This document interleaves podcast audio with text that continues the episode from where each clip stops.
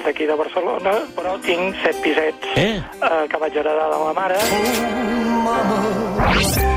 Eh, Set pisos? En el barri de Poble Sec, concretament. No, no puc opinar. Clar, set pisets, no sé si es considera petit propietari, però em sembla una petita gran fortuna, si m'ho deixes dir així. 61.500. Amb el... Jo tampoc eh, no considero, tampoc... A veure, no, no, no és una gran fortuna, Por favor, home, per l'amor de Déu. Penalitzar l'especulació. Si deixa la política, es dedicarà a, a fer la tesi doctoral i a la docència? I de què viuré, de què menjaré. No en tindria prou. Jo sóc una bona persona i ho sap tothom. La setmana tràgica.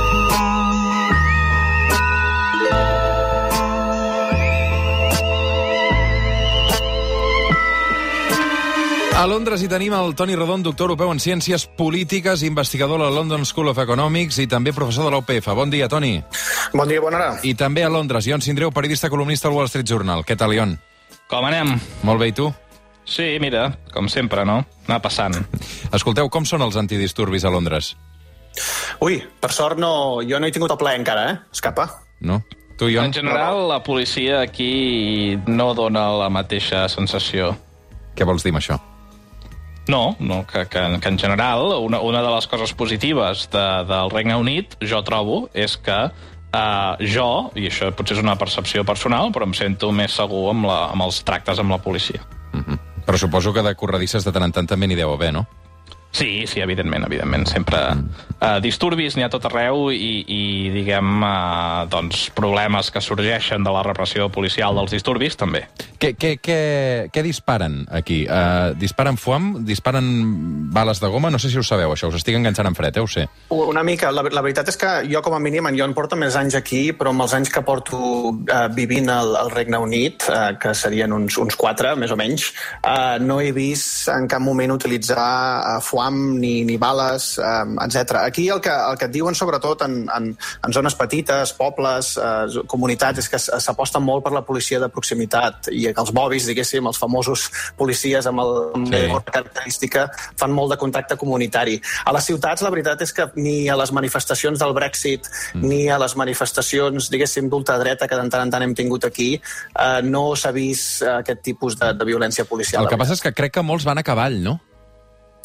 Sí, sí, sí, hi ha molt la, la tradició d'anar a cavall. Justament jo al costat d'on visc, que visc aquí al costat de Hyde Park, hi ha una, hi ha una acadèmia de, de policies muntats a cavall i sempre me'ls trobo a davant. Sí, van, van molt a cavall. Uh, Sí, jo en tinc, jo en tinc per casa, que em passen precisament uh, més o menys a aquesta hora. Ah, sí? Uh, una mica més tard. Sí, fan la ronda un parell Sí. de cavalls. Saluda, Eh, sí, saluda, saluda, home. Uh, Sí. i, i, i, no sé si saquejos també en teniu aquí, ho dic perquè ja que estem fent comparatives. Uh, saquejos a Zaras, a Nikes, a Decathlons... Sí, això uns, uh, um, no fa molts anys que no en tenim, però sí que n'hi ha hagut. Eh? Uh, fa a principis del, uh, del 2003, que si no um, recordo malament, es van fer famosos uns saquejos que van passar arreu de la, de la ciutat i als anys 90 també n'hi ha hagut molts. En tot cas, en la perspectiva històrica de Londres i del Regne Unit, ara ens situaríem en una època tranquil·la, en el sentit de que hi ha, evidentment, problemes i, i, problemes i disrupcions, però de moment no no n'hi ha hagut cap de forma destacable. Avui amb el Leon Sindreu i el Toni Rodon a la Setmana Tràgica intentem deixar els antiavalots en pau, eh, perquè ja tindrà prou festa a la tarda, i eh, parlem de cotxes silenciosos, cotxes concretament elèctrics. Cuando creías saber qué viene después, llega algo inesperado, 100% eléctrico. totalmente eléctrico. ¿Por qué ahora? Algo que nos hace avanzar. Es el momento de A veure, això no és una falca publicitària, això és la Setmana Tràgica, que d'alguna manera també ho és. Uh, el que passa és que avui uh, volíem parlar... De, és a dir, sempre parlem del cotxe elèctric, és el cotxe del futur. Doncs no, escolta'm, segurament ja és el cotxe del present, no? Uh, aleshores, um, feu-me un retrat una mica uh, també d'aquesta indústria, perquè ho veiem com una cosa que arribaria, arribaria, arribaria, però és que ja ho tenim aquí. Aleshores, uh, no sé si la cosa ja és el debat si és prou competitiu, si tenen prou autonomia, si són també competitius a nivell de preu, no, Ion? Sí, a veure, uh, si volem posar-hi xifres, um, és veritat que el 2020 és un any una mica estrany eh, per, a, a nivell de vendes de- d'automòbils, però podem també agafar les comparatives del 2021 del que s'espera. Um, si mirem el 2020, les vendes de vehicles elèctrics eh, doncs, van arribar sobre els 2,5 milions a tot el món. Això ho hem de comparar amb unes vendes globals de vehicles de 77 milions. Per tant, només el 3% del total. Si mirem el 2021, s'espera que ja siguin el 5% eh, i que s'incrementi pràcticament les vendes de, de vehicles elèctrics al doble, que és molt. El que passa que, clar, eh, com dic, eh, el 2020 doncs, va ser un any eh, dolent, tot i que s'ha remuntat al final pels automòbils en general si mirem per països, la Xina és de llarg el, el major mercat. El 44% del mercat el té la Xina. A Europa no estem tan malament, tenim el 28%, molt millor que, que per exemple, doncs, a Amèrica o a Japó, Corea, tots aquests eh, països asiàtics. Um, clar, per al 2025 s'espera que aquestes vendes arribin a, a 12,2 més o menys milions uh, de vehicles. Per tant, seria un creixement del 52% uh, des d'on som, on som ara. Això és el, els, uh, hi ha una consultora que es diu IHS Market, que normalment és qui fa tots aquests números del mercat de l'automòbil, i això és el que ens diuen. Per tant, és un mercat que, com dius, ja comença a ser present, però encara petit respecte a la venda total de vehicles. Aleshores, per què ens fa tirar enrere una mica? Pel tema del preu, pel tema de l'autonomia? Sí, jo crec que són els dos factors, no? El preu és un factor important. En general, els cotxes elèctrics encara són una mica més cars que els, eh, els cotxes doncs, de combustible fòssil.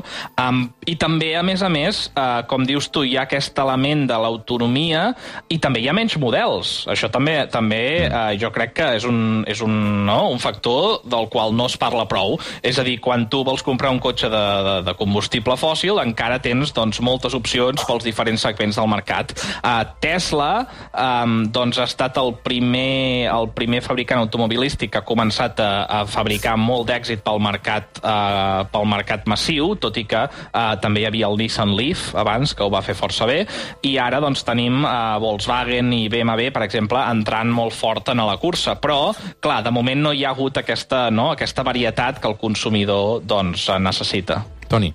Sí, aquí també hi ha, hi ha una qüestió, jo em sembla a mi, cultural, no? Eh, perquè eh, quan nosaltres mirem les dades de diferents països i estudiem una mica allà on hi ha més cotxes elèctrics que, que, que en d'altres, el que veiem és que correlaciona molt amb aquest sentiment eh, de, de preocupació pel medi ambient en general. La, la Xina potser seria l'exemple, però si ens fixem en la resta de llocs, en la resta de, de països més aviat democràtics, el que veiem és que doncs, en aquests llocs on hi ha una preocupació més alta pel medi ambient, per la combustió pel fet de tenir ciutats netes, hi ha més cotxes elèctrics. No? Per exemple, uh, uh, quan jo, vi, jo recordo que quan vivia a la Area, allà, allà a Califòrnia, uh, tot eren cotxes elèctrics. Hi havia cotxes elèctrics per sota les pedres. No?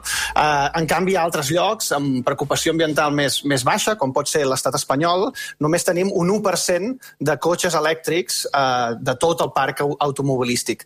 Per tant, això, evidentment, aquí hi ha la, la història de l'ou i la gallina, no? que és el que ve primer. Però sí que és veritat que si entre la població hi ha una certa preocupació elevada sobre les qüestions mediambientals, aleshores hi ha un segment del mercat, encara petit, com deia en Jon, però que eh, és més procliu a comprar aquests cotxes elèctrics o, o fins i tot els híbrids. Això, això que dius, Toni, de Califòrnia és, és molt interessant, perquè no sé si ho recordareu, però en els anys 90 ja hi va haver una mini explosió de cotxes elèctrics a Califòrnia, en aquella època uh -huh. quan, quan semblava ciència-ficció. De fet, el cotxe elèctric, i això és una cosa que, que molta gent no sap, uh, va començar als 1880 és a dir, els cotxes elèctrics a l'inici de, la, de la història de l'automòbil eh, eren eh, doncs, pràcticament la, el cotxe preferit de la gent. No? Parlem d'aquella època en què eh, era o cotxe elèctric o cotxe allò de manivela. No? En el moment en què precisament es va inventar la ignició elèctrica del cotxe, doncs eh, el cotxe elèctric eh, doncs, eh, no, va, va desaparèixer, però va fer aquest retorn al 1990 i eh, fins i tot amb un cotxe que va tenir un cert èxit, que era el EV1 de General Motors, que jo no sé si heu vist un reportatge que, de fet, crec que es va emetre a TV3, eh, que jo recordi fa uns anys, que es deia Qui va matar el cotxe elèctric? Era un documental. No sé si el veu veure. No l'he vist jo. No, no, no, no l'he vist. Era, doncs, era una mica conspiranoic, eh? però bàsicament la idea que, que explicava era que el lobby del sector automobilístic eh, doncs, havia acabat matant aquest cotxe que havien produït i que tenia molt d'èxit, que era aquest cotxe elèctric. Um, Bé, aquí eh, segurament hi ha una mini part de veritat, però la realitat és que hem de mirar quines eren les prestacions d'aquest cotxe, no? Um, tenia, doncs, això, un rang màxim de 97 quilòmetres, per tant, no, no, no podies anar gaire lluny. Les bateries tardaven 8 hores a carregar-se um, i eren molt cares, no? De fet, el cotxe, doncs, en, en diners d'avui en dia, costaria uns 45.000 euros, que per un cotxe que, que donava molt poques prestacions, doncs, evidentment, són moltíssims calés. Um, què ha passat des de llavors? Llavors que eh, la densitat d'energia de les bateries, perquè recordem, quan tu tens un cotxe elèctric, tu has de dur tot aquell envolum de la bateria que pesa doncs, 600 quilos, l'has de transportar amb tu, no? Per tant, eh, la clau és la densitat d'energia, és a dir, quants watts et dona per hora per cada quilo que pesa. Llavors, um, si uh, mirem com ha evolucionat tot això, uh, aquest cotxe de General Motors dels anys 90 tenia una, una densitat d'energia d'uns 90 watts hora per quilo. El model 3 de Tesla d'avui en té uns 260. I el que és curiós aquí és que la millora d'eficiència d'aquestes bateries ha estat pràcticament una línia recta. Cada any, més o menys, perquè tingueu una idea, millorem 10,5 watts per hora per quilo. I això ha estat una evolució tecnològica que simplement doncs, ha anat avançant, no? Llavors, quan mirem què ha fet Tesla, i tornem una mica al que deia el Toni, Tesla en realitat tampoc ha fet un avanç tecnològic allò espectacular. El que passa és que sí que és veritat que hi han posat molts diners, que hi han, hi han posat doncs, molt desenvolupament tecnològic eh, adjacent, però, sobretot, l'han convertit en un símbol, no? L'han convertit en aquest símbol d'en què la tecnologia ens proporciona un món millor i com que en aquest moment, avui en dia, els diners es fan a Silicon Valley, en aquestes empreses tecnològiques de gent que són rics però també els importa molt el medi ambient, doncs aquí hem tingut no, aquest Tesla com a un disseny de màrqueting eh, de cotxe que, que és atractiu, que és esportiu i que ha agradat doncs, aquest segment de la població. Un segon, perquè és que veig que és un tema que està causant sensació també a les xarxes, perquè estem rebent molts missatges, diu el Narcís Torrent.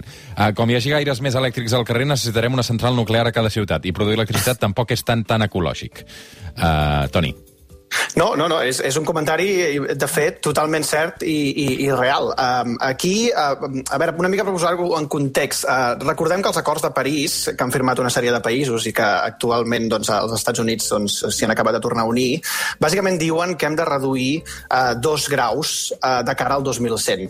I escapa, m'imagino que no és cap sorpresa si dic que de moment ho estan fent fatal, per no dir molt malament. No? Aleshores, el cotxe elèctric és simplement una de les mesures que hi ha sobre la taula, però evidentment per reduir aquest problema climàtic doncs eh, s'han de pensar en una bateria de mesures. No? Per exemple, per exemple, una cosa molt relacionada amb el que estàvem parlant ara.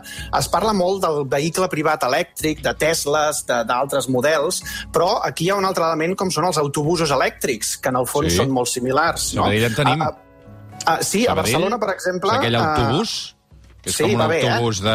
Sí, no, és llarguíssim, allò. És una cosa llarga, llarga, llarga, que veus quan comença i no s'acaba. I el problema és que no fa soroll. Aleshores, tu, eh, clar, has d'anar alerta. Sembla una bici. Perquè si vas amb auriculars pots tenir un disgust. I, I no entenc per Sí. què en el seu dia es van carregar el trolebús que, que recordem és aquell autobús que va amb aquelles banyes i va connectat. Això si aneu a, a Viena, per exemple, hi ha molt trolebús. No entenc per què se'l van, se van carregar, però bé. Però, doncs, doncs això... Perquè era molt eh, lleig. en el- Sí. Era molt lleig. és que ara he vist la foto i dic, ostres, que lleig. Sí, sí, és, és, és espantós. Sí, sí. Bé, Digues. en, en, el, en el cas de Barcelona, que no sé si els autobusos són lletjos o no, a mi en tot cas m'agraden, um, sí, ja, ja tenim alguna línia, com és la, la H16, uh, uh, tota elèctrica, no? que és la que va de, del fòrum a la, a la zona franca, hi ha uns set vehicles elèctrics. Però en tot cas, per exemple, Barcelona se situa més aviat a la cua uh, a l'hora de proveir autobusos elèctrics a, a, a les ciutats. Per exemple, en el cas de Londres, a la ciutat on som ara mateix en Jon i, i un servidor, uh, de, hi ha uns 9.200 busos uh, arreu de, de, de la ciutat, de la zona metropolitana, i de fet l'alcalde s'ha dit que han apro- ha promès que el 2037 tots seran elèctrics i actualment hi ha uns 40% dels autobusos que són d'alguna manera elèctrics. No? Per tant, uh, com Ah. deia bé l'oient, uh, Sí. les implicacions de fer un cotxe elèctric doncs, té externalitats negatives per a altres sectors i, evidentment, si volem solucionar el problema del canvi climàtic, no només hem de fer una cosa, sinó que ha d'haver una bateria de mesures. Jo tinc les xifres, per si a l'oient li interessen, perquè... A veure, eh, estimat oient, que estem fent una secció oh. especialment uh, per tu, company. Vull dir que vaig, ser, més que eh, mai servei públic, eh? Endavant, Sí, sí, és que estic... El, el, pel Narcís. Uh, espera, El Narcís. Espera un doncs, segon, un doncs segon, jo pel segon, Narcís, tinc això en el- seu dia ho vaig consultar i vaig fabricar un petit gràfic pel diari, que ara he anat a... l'he buscat, Sí. i uh, bàsicament el que fa és agafa tots els... Uh, l'estimació, perquè això, evidentment, el problema que tenim a l'estimar-ho és que quan un vehicle uh, menja de la xarxa elèctrica depèn de com es produeix aquesta electricitat. Hi ha països en què aquesta electricitat es produeix de manera no, molt poc ecològica i altres que més, però si agafem més o menys una mitjana, i això són dades eh, que ens proporciona Lufthansa, que Lufthansa té com una mena de think tank que calcula aquestes coses, eh, per tipus de vehicle, eh, per exemple, un cotxe elèctric, eh, les emissions que genera són de 95 grams per passatger quilòmetre. Uh, com tot, depèn de com de lluny el portes i de quanta gent hi ha dins el cotxe. Però per comparar-ho amb un cotxe de benzina, un cotxe de benzina són 200, és més del doble. Per tant, eh, estem... I això, eh, això diguem, eh, inclou tant l'operació del vehicle com la seva fabricació, el, el seu manteniment, tot, és, tot. És a dir, tot el que seria tenir el cotxe elèctric 95 contra el de benzina, que són 200. És veritat, com diu l'oient, que si ara de cop tots ens posem a fabricar cotxes elèctrics per llançar els de benzina, que són relativament nous, eh, clar, seguim, seguim generant més pol·lució. Però, a la llarga, en principi, sí que sembla eh, que el cotxe elèctric doncs, és, un, és un guany molt superior. I, a més a més, també pensem que si millorem la manera de generar energia en renovables, ja no hem de canviar els cotxes. Ja tenim la base instal·lada que fa que, que contaminem menys. Tenim molts oients que es queixen que són usuaris de cotxes elèctrics i diuen quan la majoria de cotxes siguin elèctrics, la xarxa elèctrica dels pàrquings no estaran preparats per carregar totes les bateries de tothom mentre funcionen rentadores, rentaplats o secadors. I després també molts oients que es queixen, per exemple, eh, això deia la Mònica Carnicero, eh, que eh, tenen un cotxe elèctric però no tenen on anar-lo a connectar.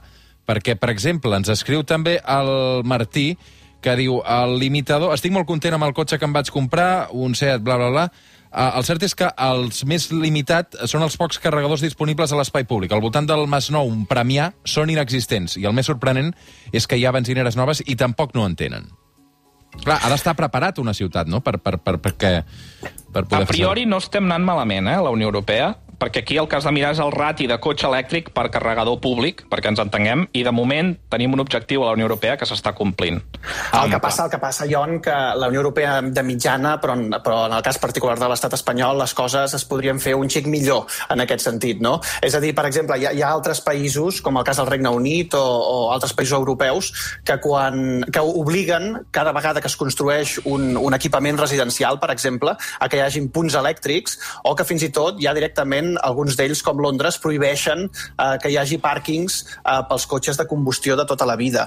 De fet, en el cas de Barcelona fa poc eh, va haver-hi un debat perquè l'Ajuntament de Barcelona va prohibir eh, o limitar, no, no recordo on estava el, límit, eh, que operadors privats instal·lessin punts de càrrega en, en l'espai públic. I, de fet, tots els eh, carregadors que hi ha ara mateix en l'espai públic de Barcelona eh, pertanyen d'alguna manera o altra a, a l'Ajuntament. Aquest és un model que, de fet, eh, altres ciutats no, no han optat. Per exemple, en el cas de, de Londres, eh, que n'hi ha molts més de punts de càrrega elèctric, molts d'ells són, són privats, són d'empreses. Hi ha empreses competint eh, per posar doncs, aquests carregadors. No? I, per exemple, l'Ajuntament molt sovint demana eh, doncs, el típic cas de, no, no sé, d'una empresa que vol fer una botiga o un edifici nou, els diu, d'acord, feu-me aquesta botiga, però a més a més, a davant, eh, poseu-m'hi un carregador de, de punt elèctric. S'ha de pagar per carregar el cotxe elèctric perquè crec que a Barcelona era gratuït i ara ha deixat de ser-ho. Jo aquí hi estic a favor que es pagui, que les coses es paguin eh, eh, sempre, eh, que tinguin un punt de, de subvenció, que sigui més barat, etc. Això ja en podem parlar, però que s'ha de pagar, sí. Jo en aquest cas estic a favor. I, I a Londres com funciona tot això? Bé, a Londres depèn una mica de l'empresa. Hi ha punts carregadors i eh, tu tens una app o una targeta, llavors l'actives i, i la- i- i l'endolls. Llavors, al cap d'una estona, quan has desendollat i ha acabat de carregar el cotxe, doncs et passen la factura a través de l'app o de, del mòbil. Ja. Ah, Londres és una ciutat que convida poc a utilitzar el vehicle privat, especialment a, a la ciutat, perquè hi ha moltes taxes. Uh, vosaltres dos teniu cotxe, per exemple? No. No, no, no. Uh, i, I quan en necessiteu, què feu? El llogueu? Aviam, sí, sí, sí. Pensa que, que a Londres és, és car agafar el cotxe. De fet, aquí és un debat interessant, perquè hi ha eh, una mica els dos debats sí, de, del, del cotxe, no? que és aquesta idea que uh, tu pots intentar evitar que el cotxe entri, però al mateix, al mateix temps tu vols reduir les emissions. I a Londres hi ha el que se'n diu la congestion charge, que probablement molts dels nostres oients ho coneixen, que és aquesta zona doncs, on has de pagar uns 15 pounds al dia, però és que ara se n'ha creat una altra que es diu uh, Ultra Low Emission Zones, és a dir, zona d'emissions superbaixes, que a més a més et fan pagar uns 12 pounds més. És a dir, en resum, si entres al centre de Londres amb un cotxe normal, d'aquests no elèctrics, que tenim la gran majoria, et pot costar uns 27 pounds i mig al dia. Doncs mira, déu-n'hi-do. No Es queixem de peatges, però això sí que déu-n'hi-do. Home, això és una clatellada considerable. Uh, molt bé. Um, alguna cosa més? Sí, uh, recordem, tenim el, el tema de Nissan, no? I, la, I què passarà amb la seva fàbrica a la zona franca. Sí, correcte. Um, i aquí hi ha la perspectiva de que uh, potser doncs, eh, LG o algun altre fabricant de bateries uh, podria fer una gran inversió en fer bateries en aquesta, en aquesta fàbrica. I Bo. això és, és molt important adonar-nos de, de dues coses. Aquí, per exemple, a Tesla, no sé si ho sabeu, però ara mateix té el valor bursàtil de 5 cops la suma de General Motors i Ford. Que Déu-n'hi-do, eh? Sí. Uh, i, I pensem que General Motors i Ford venen més de 22 vegades més vehicles que Tesla. Uh, per tant, aquí la perspectiva és que Tesla, que de fet només té el 14% del mercat elèctric, acabarà dominant el mercat automobilístic. Que és veritat que jo crec que hi ha molta especulació i no té massa sentit que Tesla tingui aquest valor. Però sí que aquí hi ha una gran pregunta, que és que com és que els està costant tant a aquests grans eh, gegants automobilístics com Volkswagen, que ara finalment, després de molts problemes, ha tret un model competidor amb el Tesla Model 3, com és que els ha costat tant no? eh, doncs, eh, actualitzar-se? Pensem que són eh, grans empreses comparats amb Tesla i que fabriquen doncs això, 22 vegades més vehicles. Eh, doncs eh, la raó és perquè amb el cotxe elèctric hi ha dues coses claus. La primera és la bateria, eh, perquè bàsicament un cotxe elèctric és una bateria amb rodes, però la segona és el, el software. El software. Per exemple, una cosa que ha trobat Volkswagen és que eh, tots aquests softwares que controlen la bateria, eh, que et donen eh, indicacions a tu com a, com a conductor, tot això no estaven preparats per fer-ho. Llavors, clar, eh, han hagut de fer un procés d'adaptació molt complicat. I ara, finalment, doncs, estan aprenent a, a fer-ho, doncs, a no, a no externalitzar-ho, a fer-ho correctament. Hi ha un procés productiu que és molt diferent i, i si volem eh, intentar mantenir part de la nostra manufactura, hem d'agafar-nos eh, tant d'això com puguem. Eh, ara mateix eh, anem molt darrere a nivell de bateries per xinesos, coreans i japonesos que tenen el 90% del mercat. Per tant, cal fer tots els esforços possibles per eh, fabricar bateries i ara mateix la Unió Europea hi està invertint molt um, i, per tant, hem d'intentar agafar part d'aquest pastís, però també hem d'intentar agafar part del pastís uh, del software. Um, no ens enganyem, els diners que està gastant Europa els està gastant perquè Alemanya no perdi el liderat. Per tant, ens serà complicat, jo crec, eh, mantenir el, el nivell de, de producció automobilística que teníem, però hem de fer tot el possible i encara que això vulgui dir només fer la bateria, perquè realment importa molt més fer la bateria que no, i fins i tot el software del cotxe, que no assemblar el cotxe. Dos minuts per arribar a dos quarts de dotze del migdia. Avui a la Setmana Tràgica, quatre punts sobre, sobre el cotxe elèctric que hem volgut comentar amb el Toni Rodon i el, i el Ion Sindreu. Per cert, per cert, per cert. Príncep Felip? Sí, príncep Felip, però és que a part tenim uns quants oients que diuen, esclar, ah. uh, us, he, uh, us he preguntat a l'inici d'aquest espai per, pels llantabalots, diu, si pregunteu a catalans que portin més de 10 anys al Regne Unit, això de policia de proximitat uh, és un palet diferent, perquè al funeral de la Thatcher no només Sí, hi sí, havia els clar. simpàtics bubis, eh? No, clar, clar, totalment, sí, sí. És, és una mica el que deia abans, eh, que, que això, eh, evidentment, eh, els, aquests comportaments policials doncs, varien en el temps i en l'espai i no es pot eh, situar un comportament mitjà, no, no, evidentment, fa un temps doncs, la policia es comportava de forma molt diferent. Jo l'únic que deia és que en els últims anys eh, no hem vist escenes de brutalitat policial de forma tan bèstia com, com els que hem vist doncs, al nostre país. Què està passant amb el príncep Felip? No, no, perdó, eh, és que em pensava que m'ho preguntaves escapa perquè sé que ets un gran fan de la família reial Sí. britànica i res, el duc d'Edimburg eh, va ingressar eh, fa un, un dia i mig, fa dos, un parell de dies eh, perquè es trobava malament eh, arran de... i el seu metge li, li ho va recomanar i ara bàsicament doncs eh, hi ha una mica el rumor de què només passarà. té, només té 99 anys, crec. Sí, i de fet la, la qüestió és que el príncep Carles l'ha anat a visitar i, eh, clar, en una època en què no pots anar a visitar els familiars malalts per la qüestió de la Covid, ha creat controvèrsia i una mica ha disparat tots els rumors de què pot estar passant amb, amb el duc d'Edimburg. Jo tinc fe. Aquest any 100. Doncs mira, uh, fins al 10 de juny del, del 10 de juny fa els 100 anys. Uh, molt més joves, la reina, no? Sí, La reina. 94? La reina, uh, mira, estic llegint que és del... No, no ho estic mirant bé. Espera un moment. 90, sí, correcte, 94 anys. 94 anys. Veus, tot un expert de família reial, eh? Deuen estar vacuna, vacunats tots dos, ja. Sí, sí, vacunats tots dos. Uh, gràcies, companys, cuideu-vos moltíssim. Que vagi molt bé. Dos quarts de 12 del migdia. Fem una pausa i de seguida la Txell Bonet al suplement. El suplement, amb Roger Escapa.